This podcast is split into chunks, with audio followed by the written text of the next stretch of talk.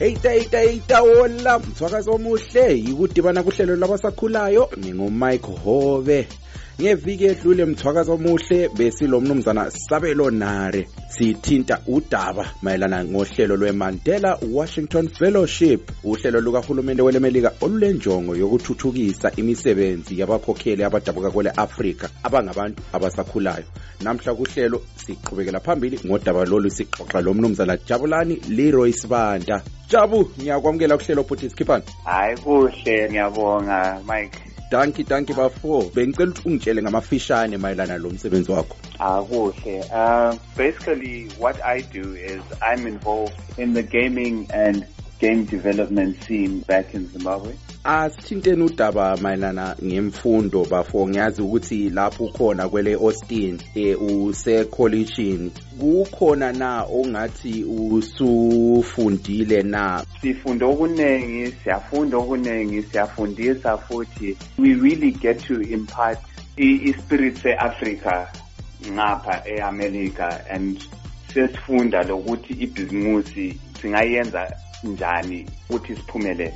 Thina lapho esidabuka khona kwele Africa eningi labantu bathanda ukuthakazelela ispirit le bayathi ubuntu. Lapho eningi bayasizana ukuthi hayi uneighbor wami ngathi ufuna ichukela uyaqoqoda athi phela ichukela lami ngimnikeza ichukela ngithi.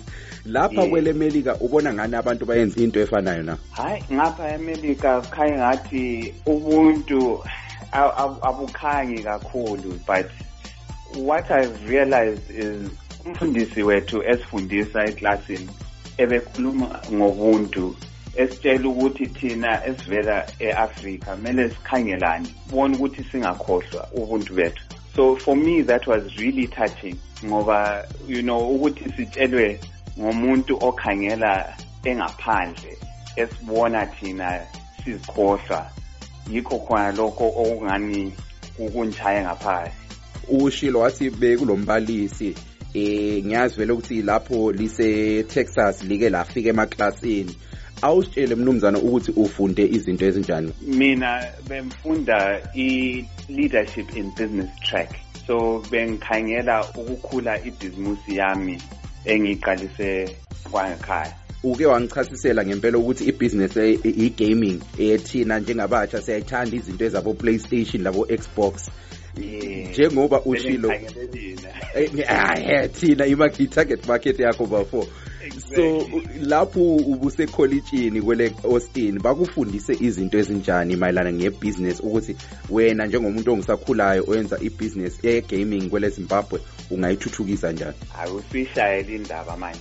Ngapha e-Austin indawo yangikhona it's tailored for ama new ideas and new industries. So i-gaming it's one of those where we're looking at it sisithi asikhangele phambili singakhangeli ngokuthi you know everybody should be either a bank teller or you know a, a, a teacher. I, I really respect ama professions wona lawo but we must know as Zimbabweans and as Africans that there is more to it.